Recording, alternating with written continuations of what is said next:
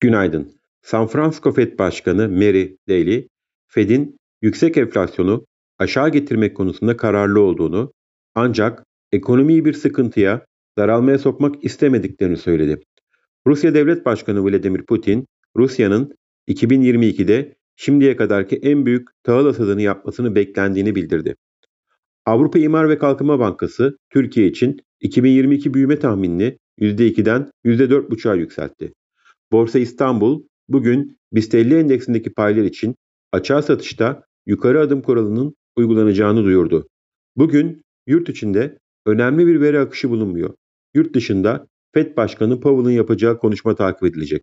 Bu sabah Asya endeksleri ve Amerika'da vadeli endeksler satıcılı işlem görüyor.